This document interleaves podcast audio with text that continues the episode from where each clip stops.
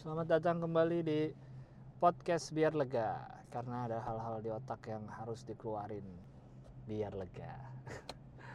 Sungguh tidak kreatif. Bersama gue masih Gilang Baskara. Eh, hari ini gue rekamnya hari Senin, tanggal berapa nih? Hari Senin tanggal 22 April untuk tayang tanggal 25 April. Tadinya pengen bikinnya tuh deket-deket hari tayang gitu biar yang dibahas tuh masih kekinian, masih nggak jauh lah. Cuman kadang takut udah ada yang kepikiran tapi takut takut lupa kalau baru-baru baru mau direkam hari Rabu tuh takut lupa jadi ngomong kepikiran gitu. Jadi ya udahlah podcast podcast sendiri ini kan. Eh, jadi apa ya gue pengen ngomongin apa jadi lupa kan. Gue baru nonton Hotel Mumbai baru hari apa kemarin tuh ya? Kalau nggak salah hari Sabtu. Sabtu minggu lalu nonton Hotel Mumbai. Dan gue emang agak-agak ing- lupa-lupa ingat sih kejadian aslinya tuh pas ada dikeluarin CCTV Oh, jadi pokoknya ceritanya tuh adalah penyerangan Hotel Taj di Mumbai, India tanggal eh tahun 2008 oleh teroris-teroris yang masih muda, masih anak-anak muda dan nggak pakai topeng, nggak pakai apa, datang aja nembak-nembakin ngasal gitu. Eh gue nggak inget kejadiannya cuma pas dilihat CCTV aslinya tuh kan ada kan yang pas di stasiun tuh gue baru inget oh iya tuh kejadian yang itu gue inget tuh. Kayak gitu. Dan besoknya di Twitter gue lihat ada kejadian di Sri Lanka. Yang ada bom di gereja, ada bom di hotel mewah juga persis banget kayak kayak apa namanya hotel Mumbai gitu. Baru nonton besoknya ada kejadian kayak gitu kayak ah, kayak Thailand masih ada aja yang kayak gini-gini deh. Masih ada aja orang-orang yang ngebom ngebom gitu. Terus kalau yang di Mumbai kan uh, pelaku-pelakunya tuh Islam ya pelaku-pelakunya Islam terus ya mereka melakukan itu atas nama agamanya walaupun uh, disuruh sama ada orang maupun yang orang yang disuruh belum ketangkap sampai sekarang. Terus yang yang Sri Lanka gue nggak baca belum baca detail ya apa itu siapa yang ngebom. Tapi yang dibom kan gereja gereja ada beberapa gereja kena. Terus ada hotel juga. Mungkin ada hubungannya dengan agama juga mungkin ya. Nggak tahu gue kayak masih ada aja sih orang ngebunuh-bunuh gitu. Kenapa sih pakai dasar agama gitu? Kenapa ada yang mau gitu? Dan gue selalu penasaran ya setiap ada kasus yang dari zaman dulu kan ada bom Bali ada bom Marriott terakhir yang di Surabaya tuh kayak sekeluarga tuh tai banget sih. Gue justru penasaran sama eh yang ngebrainwashnya bos besarnya. Gue yakin yang yang turun ke jalan yang ngeledakin diri mah itu kroco-kroco kayaknya sih yang yang yang anak-anak buah-buahnya gitu yang kecil-kecil yang gampang disuruh. Ya udah sana lu nih demi agama lu nih. Gue penasaran banget sama yang nyuruhnya gitu. Sehebat apa brainwashnya sampai orang rela menghancurkan dirinya sendiri demi surga yang belum tentu mereka masuk surga juga. Dan yang nyuruh juga belum tentu masuk surga juga dan dia mau percaya. Gimana sih? Hebat sekali loh gue masih sangat penasaran dengan gimana cara brainwashnya. Misalnya gini gue penasaran misalnya gue nih. Gue kan penasaran nih gue insya Allah gue nggak akan ngeledakin diri lah. Masih bisa mikir gue Eh, kayak gitu. Nah gue pengen coba nih misalnya gue ketemu sama si eh, bosnya yang tukang brainwash terus gue di brainwash bisa nggak gue di brainwash ya gue yang udah skeptis dari awal gue yang udah "Ah, apaan sih gitu? Bisa nggak gue di brainwash ya pengen tahu gue penasaran sih. Hebat banget bisa nyuruh anak-anak muda. Nembak-nembakin orang yang di India itu tuh. Nembak-nembakin orang. Datang lu datang ke hotelnya lu tembakin semua. Itu tuh eh, kalau dibilang tuh itu tuh hak lu tuh. Di situ ada duit kakek moyang lu yang lu diambil gitu. Terus dia mau ya ya ya saya tembak tembak der, der, der, turun. Ya nggak pakai topeng polos aja udah datang nembak nembak nembak nembak nembak nembak gila banget kan. Gimana sih? Gimana caranya lu bisa nyuruh orang untuk melakukan hal-hal itu gitu? Gimana caranya? Apalagi yang terakhir yang Surabaya tuh sekeluarga men. Gila. Bapaknya nyetir mobil sendiri meledakin gereja. Dua anaknya naik motor yang cowok meledakin gereja. Terus ibunya ngegandeng dua anak ceweknya yang masih kecil meledak terus gue ngeliat videonya kayak ah tahi lah lu kalau mau ngeledakin diri udahlah ngeledakin diri gak usah ngajak anak-anak lu gitu. Uh kalau anak-anak yang kecil gue yakin belum ngerti dipaksa gitu ya udahlah ikut ibunya gitu nggak tahu diajak ke mana tahu tuh meledak. Nah kalau anak yang gede yang dua yang cowok berarti kan dia sudah sadar dan umur udah belasan dan dengan kesadaran penuh dia nyetir motor meledakkan diri ke gereja. Ya ampun. Kayak kalau mau itu bapak ibunya sendiri aja gitu tapi gue nggak tahu sih. Katanya juga keluarganya bukan keluarga miskin-miskin banget ada mobilnya ada Avanza punya mobil punya rumah gitu. Gue nggak tahu sih gimana ya cuma kalau gue jadi bapaknya ya punya anak empat tinggal di kota besar di Surabaya ada cicilan mobil ada cicilan rumah mungkin dalam otak gue juga anjing gue pengen bunuh diri aja rasanya. Ya mungkin ada ada otak ada kepikiran gitu mungkin di palanya cuman ya nggak usah jadi ada ajak bunuh diri semua gitu dong. Kan yang anak-anaknya kesian kalau lu ya udahlah. Ah gue nggak tahu sih. Dan gue nggak setuju ya kalau dibilang teroris tidak punya agama gitu kayak gue ya emang terorisme. Terorisme tuh tidak beragama. Kelakuannya kayak tai. Terorisme tidak beragama tapi terorisnya kita tahu sendiri semua juga punya agama masing-masing. Terorisnya punya agama.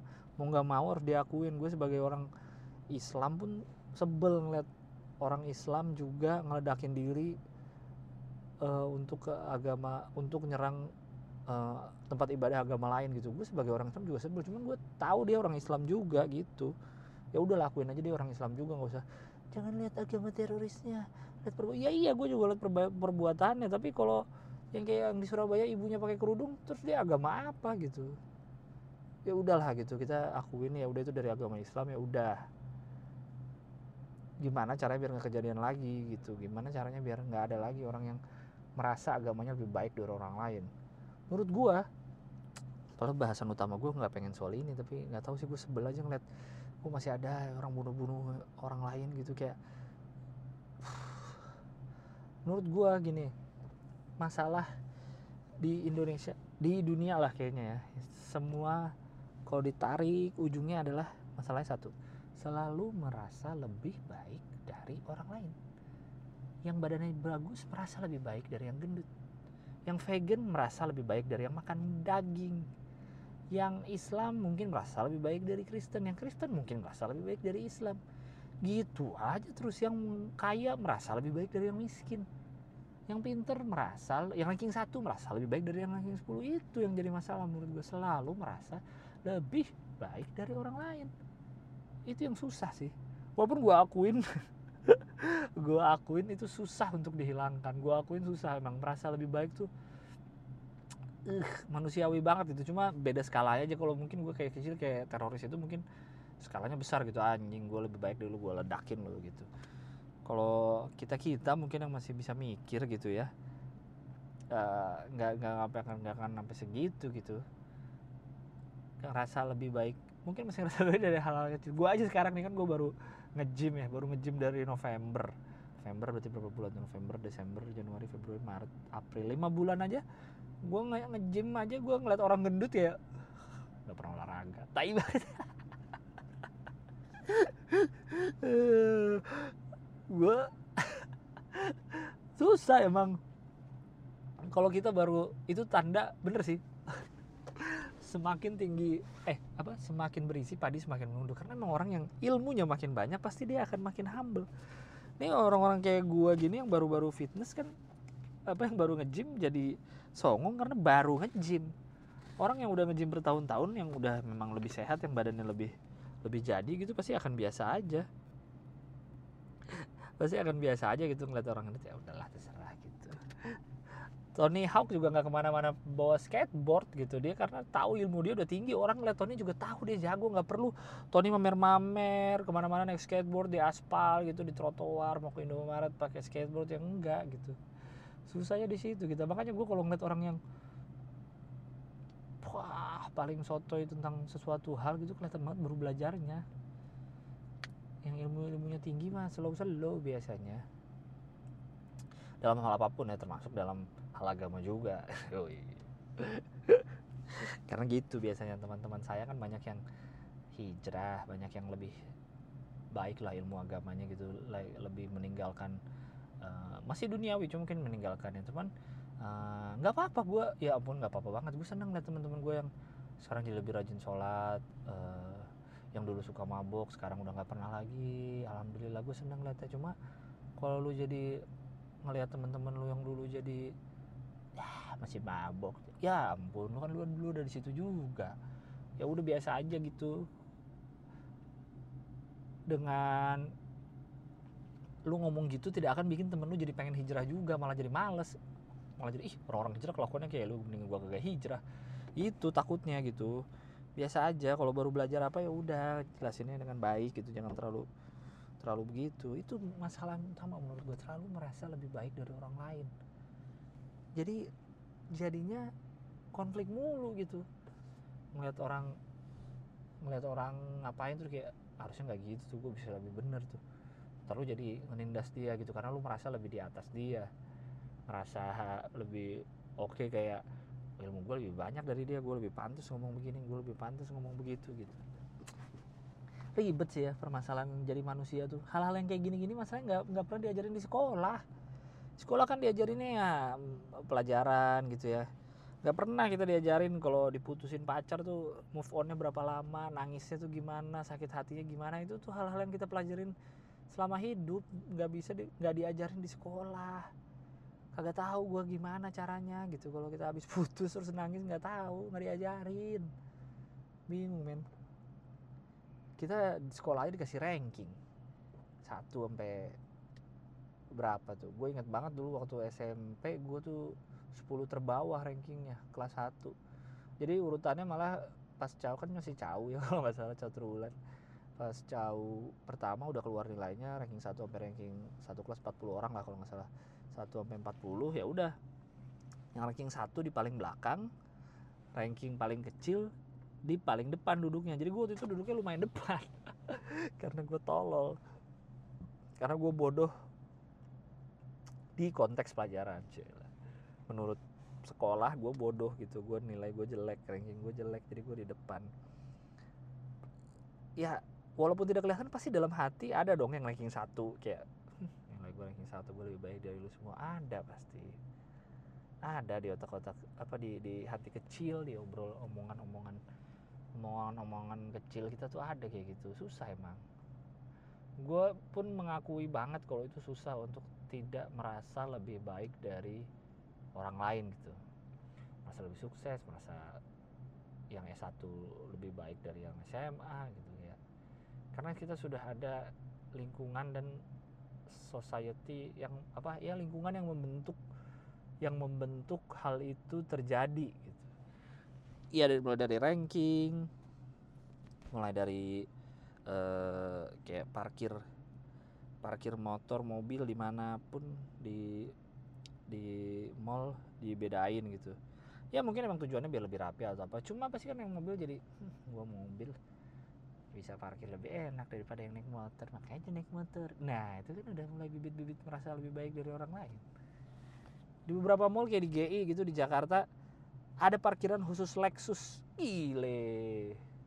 Parkiran khusus Lexus. Jadi hanya orang yang mempunyai duit dan bisa membeli mobil Lexus dan membayar pajak-pajaknya setiap tahun yang boleh parkir di GI gila nggak itulah kenapa kayaknya gue sama Tuhan tidak diberi rezeki untuk dapat membeli Lexus. Karena kalau gue yakin banget kalau gue punya Lexus nih. Aduh ya Allah. Kalau gue punya Lexus terus gue parkir di GI gue turun pasti dengan hm, emang enak nyari parkir. Itu kayaknya alasan kenapa gue tidak tajir melintir gitu kayaknya sih gitu sih. Gue aja waktu gue pernah ya kalau lu pernah lihat di YouTube-nya Radit Radit kan waktu itu zaman zamannya sering review mobil review Tesla. Langsung gue DM terus Radit gue pengen banget gue pengen cobain Tesla dong gitu. Karena gue di antara semua mobil mewah kayak gue pengen paling pengen Tesla terus habis itu yaudah ke rumah gue aja kebetulan deket kan rumah Radit sama rumah gue gue ke rumah dia. Kebagian tuh kita ngetes di tol Jor terus ngan- eh, gantian nyetir. Gue kebagian nyetir Tesla. Terus lewat jalan depan rumah gue pulang lagi ke rumah Radit gitu. Gue aja nih nyetir Tesla kaca filmnya kan terang gitu. Itu bukan mobil gue.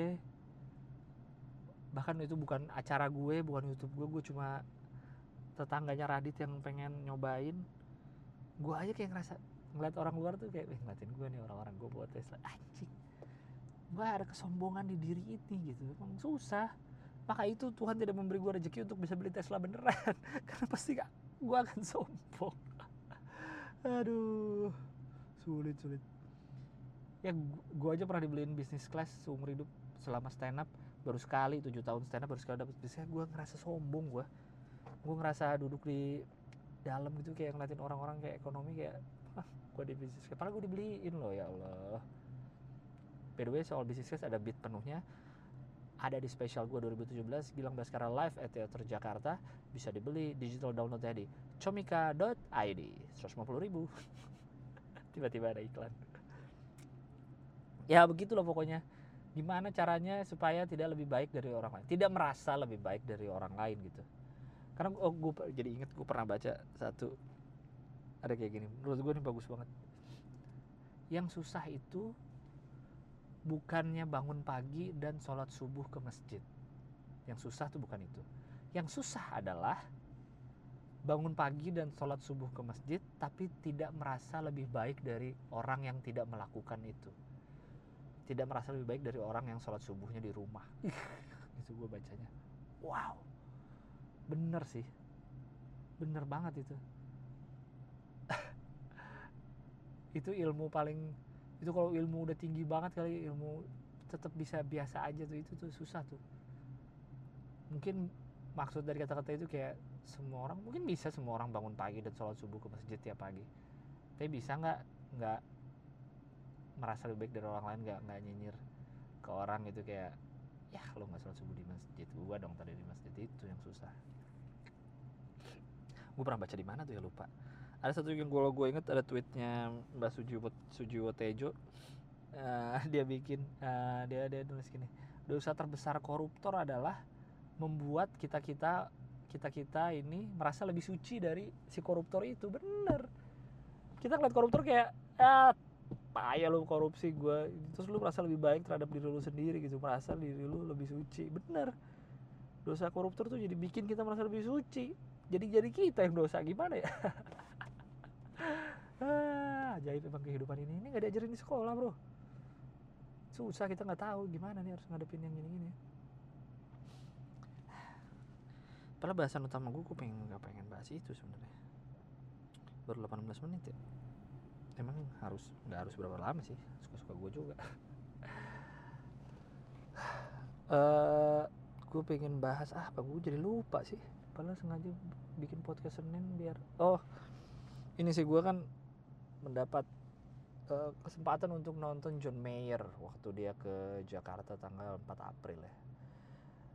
Gue gue kasih tau dari sekarang ya kalau gue tuh bukan gue suka sama John Mayer gue suka sama lagu-lagunya lagu-lagunya udah cukup udah cukup lama. Tapi gue bukan fans berat yang hafal semua lagu-lagunya gitu ya. Jadi ntar kalau ada yang fans-fansnya kayak ya si Gilang ini cuma poser doang paling tahu New Light. Ya gue gue tahu maksudnya gue tahu lagu-lagunya lumayan banyak tapi gue bukan yang fans berat gila-gilaan banget gitu sampai mau mati gitu enggak. Gue ngefans aja gitu. Jadi pas John Mayer ke sini dan kebetulan IO nya temen gue gue langsung udah gue beli tiket nggak pakai mikir lagi gitu eh ya gue nonton sempet nonton John Mayer gitu. Dan ah, the best concert ever gitu. Gue mungkin emang belum banyak nonton konser orang-orang ya. Gue nggak banyak nonton konser orang-orang. Tapi temen gue yang udah pernah nonton Coldplay di Australia gitu kayak tetep ini John Mayer kemarin tuh paling paling paling paling the best gitu kata dia. Kata dia itu itu John Mayer paling the best kemarin. Kayak ah gila sih gue juga ih gue nontonnya tuh gimana ya? Gak tahu sih gue luar biasa banget.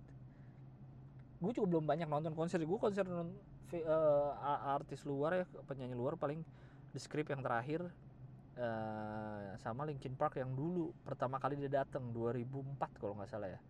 Itu pas SMP dia datang gue kayak ya Allah gimana nih akhirnya minta uang ke nyokap untuk alhamdulillah dikasih dengan motong uang jajan akhirnya nonton tuh di uh, Ancol Pantai Festival. Gue di bagian yang kan festivalnya dua yang depan sama yang belakang. Gue di bagian yang belakang kan yang lebih murah. Gue ngeliat Chester kecil-kecil banget tapi gue pernah ngeliat secara langsung gitu Linkin Park. Terus yang kedua 2000 dia main lagi kalau nggak salah yang di GBK 2011 ya kalau nggak salah ya. Itu kan gue belum bekerja ya belum jadi stand up comedian belum punya duit sendiri. Jadi pas mereka datang tuh gue inget gue ada uangnya. Tapi kalau gue beli tiketnya gue nggak punya uang lagi gitu. Jadi gue mikir banget sampai akhirnya keputusannya gue nggak beli dan gue nggak nonton.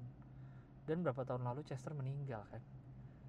Kayaknya ya Chester meninggal adalah satu-satunya satu-satunya orang yang jauh yang meninggal yang gue sedih tuh gak gue ngeliat Michael Jackson meninggal biasa siapa nih Chester meninggal gue sedih gitu pengen nangis kayak padahal gue kenal enggak apa enggak? Gitu. Cuma gue tumbuh besar pas SMP tuh kan karena pas sama Linkin Park. Jadi pas Chester meninggal tuh kayak aduh gila tuh tokoh satu-satunya tokoh yang gue sedih gitu dia meninggal padahal nggak kenal sama sekali ya Allah. Bisa gitu ya? Ikatan musik dan pendengarnya yang entah ada di belahan dunia mana tuh bisa sekuat itu. Gue jadi sedih lagi. Balik lagi ke apa tadi John Mayer gue uh John Mayer tuh gimana ya? Keren banget sih gue uh, dari awal ya kayak pas awal dibuka tiket kan sempet kacau tuh buka lapak kan orang-orang pada marah-marah semua di di Twitter gitu kayak buka lapak nih gimana gimana? Dan katanya ah, nih ini yang beli yang ngabisin tiketnya ini anak-anak anak-anak baru-baru yang cuma tahu New Light doang nih. Yang tahu New Light doang pada ngabisin tiket mending jual deh ke gue yang tahu semua lagu-lagunya dari awal. Wuh kayak gue lebih keren daripada lo. Nah tuh lagi-lagi lebih merasa lebih baik dari orang lain. Fans yang tahu lagu yang lebih banyak merasa lebih baik dari orang lain. Fans John Mayer fans musik apa pun yang merasa udah dengerin dia dari lama merasa lebih baik dari fans yang baru dengerin lagunya. Kenapa sih? Kenapa sih lu mesti pada kayak gitu? Ya Allah dengerin lagu mah dengerin lagu aja. Mungkin ya lu nggak dapet tiketnya bukan salah mereka. Mereka kan beli bayar juga sama-sama kayak lu. Terus kenapa kalau mereka lu lebih dulu dapet? Kenapa jangan jadi nyalahin karena dia cuma tahu new light doang lu sebel? Kalau gue malah ngeliatnya malah bagus. Jadi ada pendengar John Mayer baru yang jadi denger Light eh karena denger Light dia jadi penggemar John Mayer baru. Dan mungkin karena itu dia jadi ntar jadi ngulik lagu-lagu John Mayer yang lain. Dan akhirnya jadi tahu banyak lagu John Mayer yang memang lebih keren-keren dari New Light ya bagus dong jadi fans John Mayer makin banyak. Kenapa lu jadi sebel gitu? Lagi-lagi merasa lebih baik dari orang lain.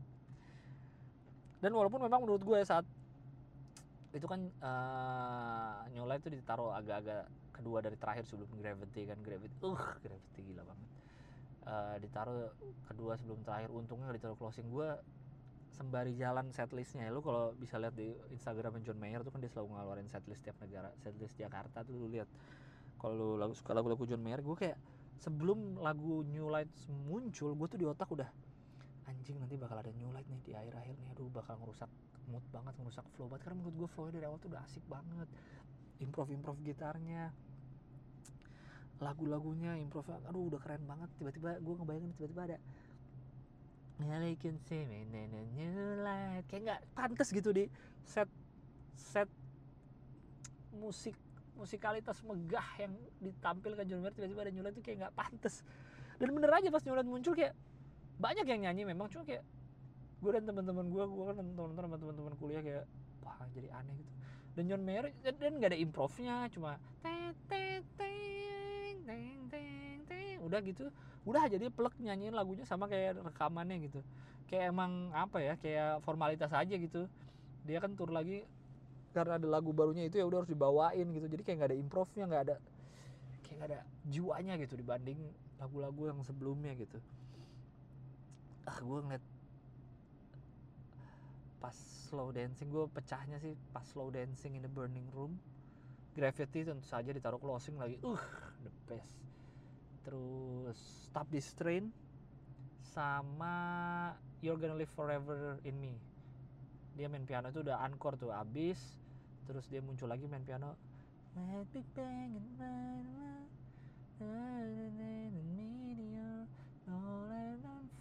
Ih. Gue pas stop this train tuh udah berkaca-kaca gue kayak aduh deh bagus banget maksudnya di lagu itu lagi terus abis itu ah momennya gila deh. Gue jadi bingung pengen jelasinnya gimana. Pas masuk intro clarity juga teneneng cak cak tenen ih otak gue langsung fuh, kembali ke masa-masa SMP gitu. Dan itu sih gue inget si siapa pernah ngomong Adri kalau nggak salah di pamer kan kayak lu nyuka suka sesuatu tuh gue lupa tepatnya gimana ya. Pokoknya lu ngelakuin sesuatu sam se- lakuin sesuatu yang lu suka tuh harus sampai kayak John Mayer setiap dia lagi main gitar gitu. Gue dulu sebelumnya nonton nonton live live John Mayer kayak dia kalau main gitar tuh kayak kayak trance gitu loh kesurupan gitu kayak udah gue nggak peduli apa apa gitu gue cuma pengen main gitar dan lu dengerin aja udah gitu. Gue pas di konser kemarin juga ngeliatnya gitu kayak ya udah nih lu dengerin gue lah gue mau main gitar gue mau main melodi eh, 6 menit udah lu dengerin aja suka nggak suka gue nggak peduli gitu.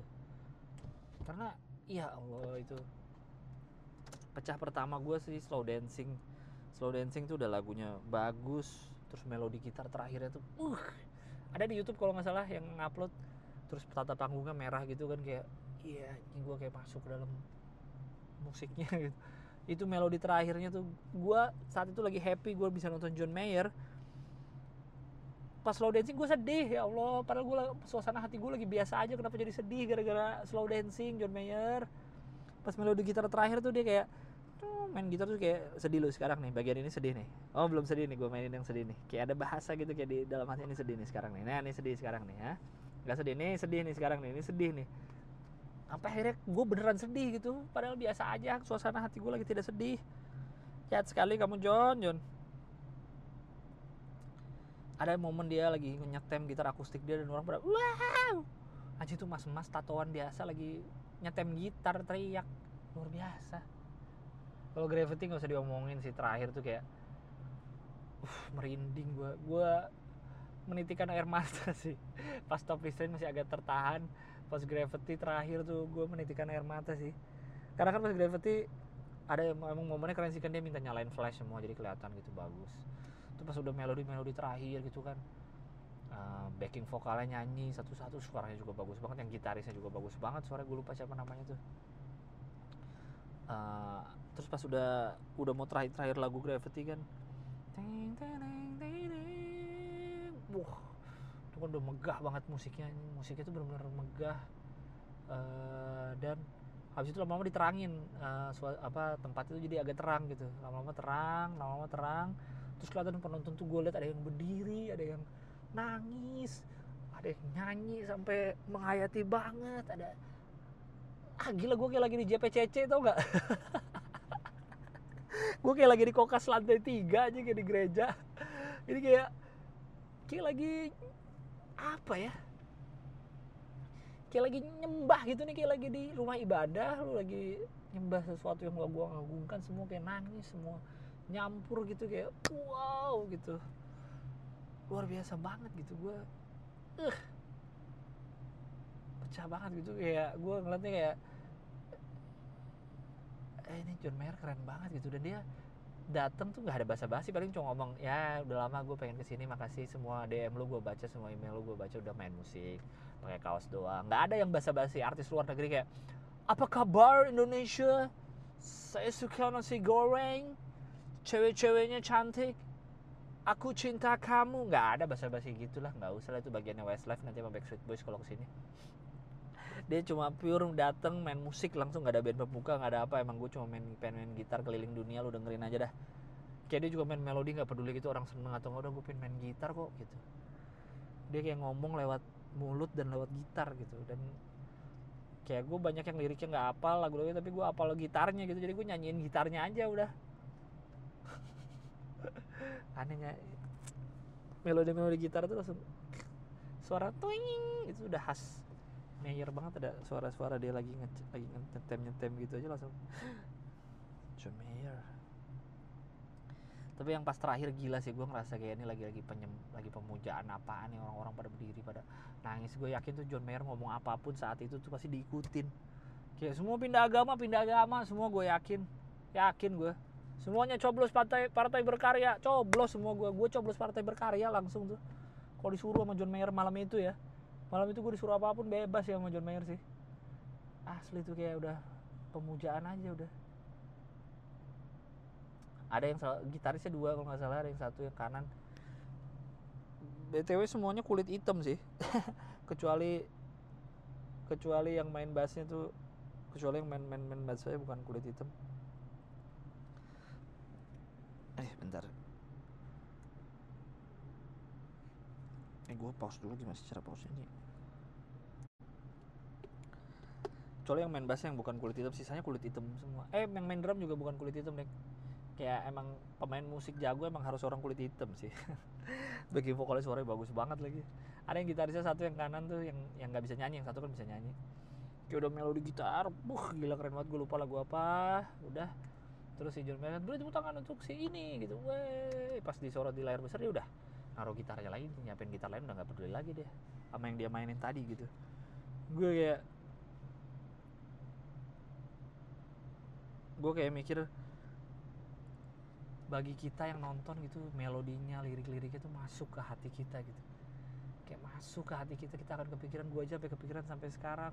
Gue habis John Mayer selesai nih lampu terang gue sama teman-teman gue duduk kayak bengong terus ini kita recovery habis konser John Mayer gimana ya? Gila banget yang tadi gitu. Ini nggak bisa recovery-nya nih nggak bisa nggak bisa recovery dari John Mayer nih. Susah gitu tadi dari recovery dari hal sekeren itu gimana? Gitu gue sampai bengong sama teman-teman gue nih gimana ya? Efeknya gitu gue nggak kenal sama John Mayer dia tinggal belahan dunia yang beda karena musik karena seni gitu bisa jadi nyatu gitu terus wah luar biasa Ba- bagi pendengarnya kan gitu kayak Chester aja gue sedih dia nangis eh dia meninggal gue sampai bela-belain pengen nonton gitu kayak John Mayer juga. Terus kayak melodi gitarnya gila banget semua lirik-liriknya oke. Gue netesin air mata di terakhir bagi kita yang nonton itu gila banget. Cuma bagi musisinya nggak tahu sih kita kan cuma we're just a number we're just a city on his tour gitu. Ya udah gue tidur malam besok gue main lagi di negara lain gue main melodi yang sama yang udah gue latih. Tet, tet, tet, udah udah aja. Yang gue nggak tahu sih dalam otak mereka apa gitu apa mereka gimana cuman ya kayak gitu gitu yang terjadi. Gue tahu kan gue sebagai bekerja sebagai performer juga ya gue kan nyiapin materi ya udah gitu. Udah materi set set yang udah gue siapin gue bawain aja udah gue bawain aja udah mungkin sama mungkin mungkin ada penonton yang ingat sama materi gue terus jadi kepikiran atau apa. Bagi gue tuh cuma sekedar materi mungkin sama. Ya nggak tahu sih gue kan nggak sebesar tentu saja saya tidak sebesar, sebesar John Mayer. Maksudnya kalau dia kan kayak wah gitu. Dia udah cuma dari kota ke kota kita cuma angka aja di berapa puluh kota yang dia laluin gitu.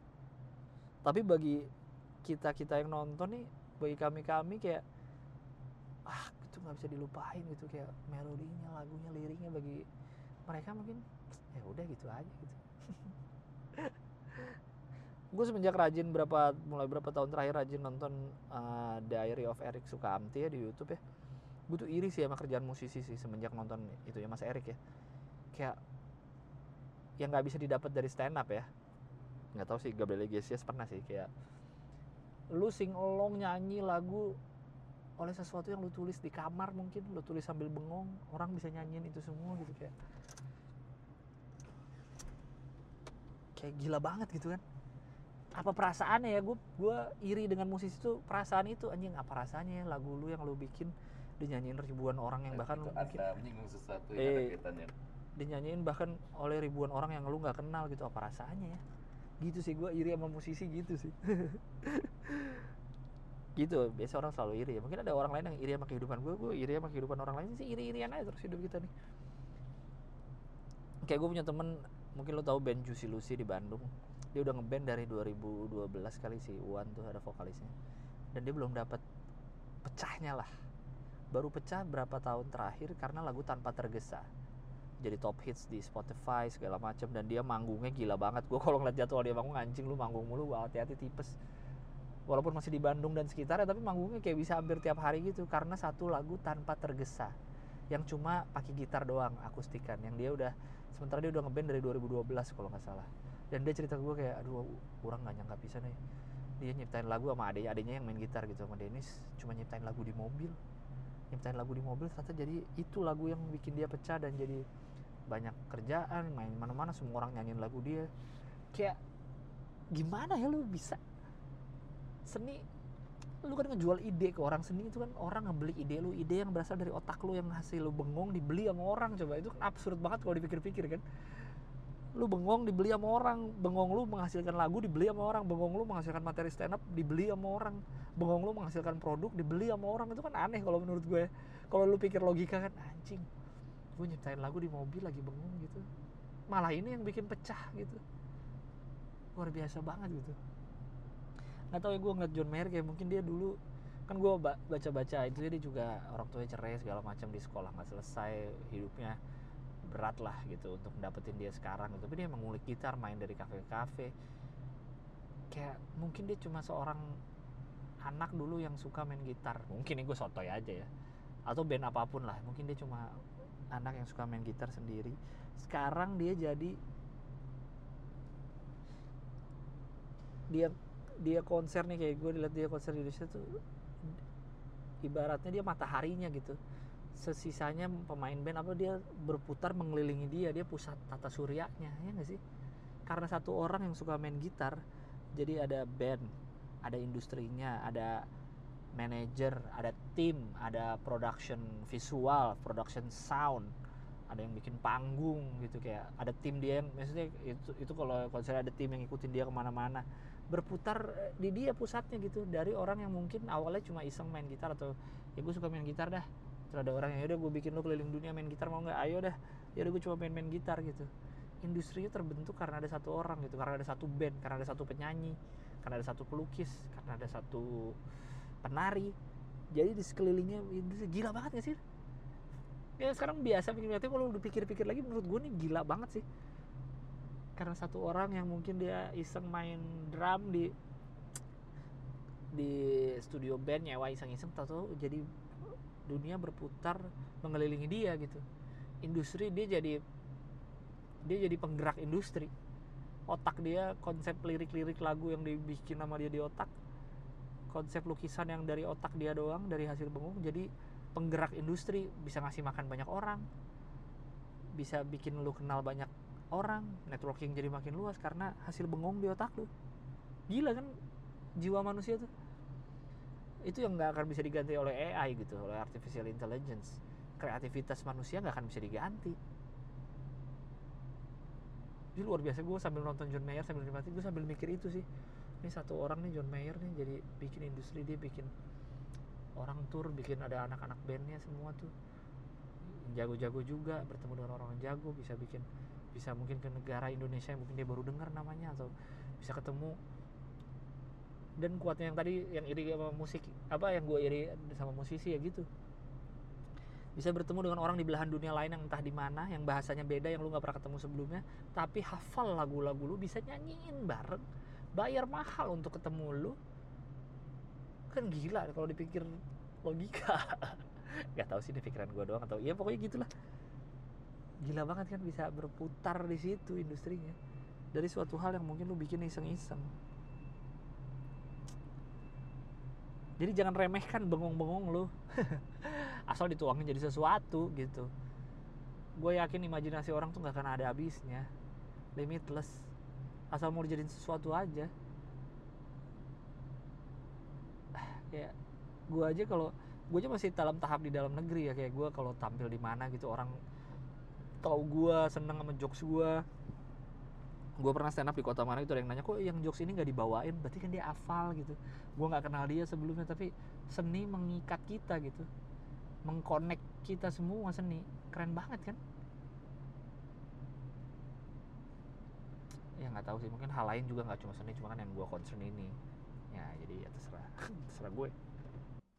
Jadi apa ya inti dari pembicaraan gue nggak tahu sih. Gue kagum aja betapa kayak seni eh, bukan seni sih hasil karya otak kita dalam bentuk apa pun yang kita tuangkan. Dari kita sendiri gitu kita cuma bikin di kosan mungkin di kamar di mana pun sendiri kita tuangkan ke sesuatu hal dalam bentuk apa pun terus bisa mengefek bisa ada efeknya ke hidup orang lain yang bahkan mungkin kita nggak kenal dia kita nggak tahu dia tinggal di mana tapi bisa berpengaruh segitu besarnya ke hidup orang lain. Luar biasa sekali. Apa namanya hebatnya isi otak manusia tuh bisa segitunya. Keren banget menurut gue sih. Tahu deh menurut kalian yang denger nggak keren ya udahlah nggak apa-apa lah orang podcast gue sendiri suka suka dong. Random juga ya dari ngomong teroris terus ngomong konser John Mayer ngomong musik ya begitulah. Ya udah cukup sepertinya podcast episode hari ini tanggal 25 25 April 2019 sampai jumpa sampai jumpa minggu depan setiap Kamis di podcast biar lega. Bye bye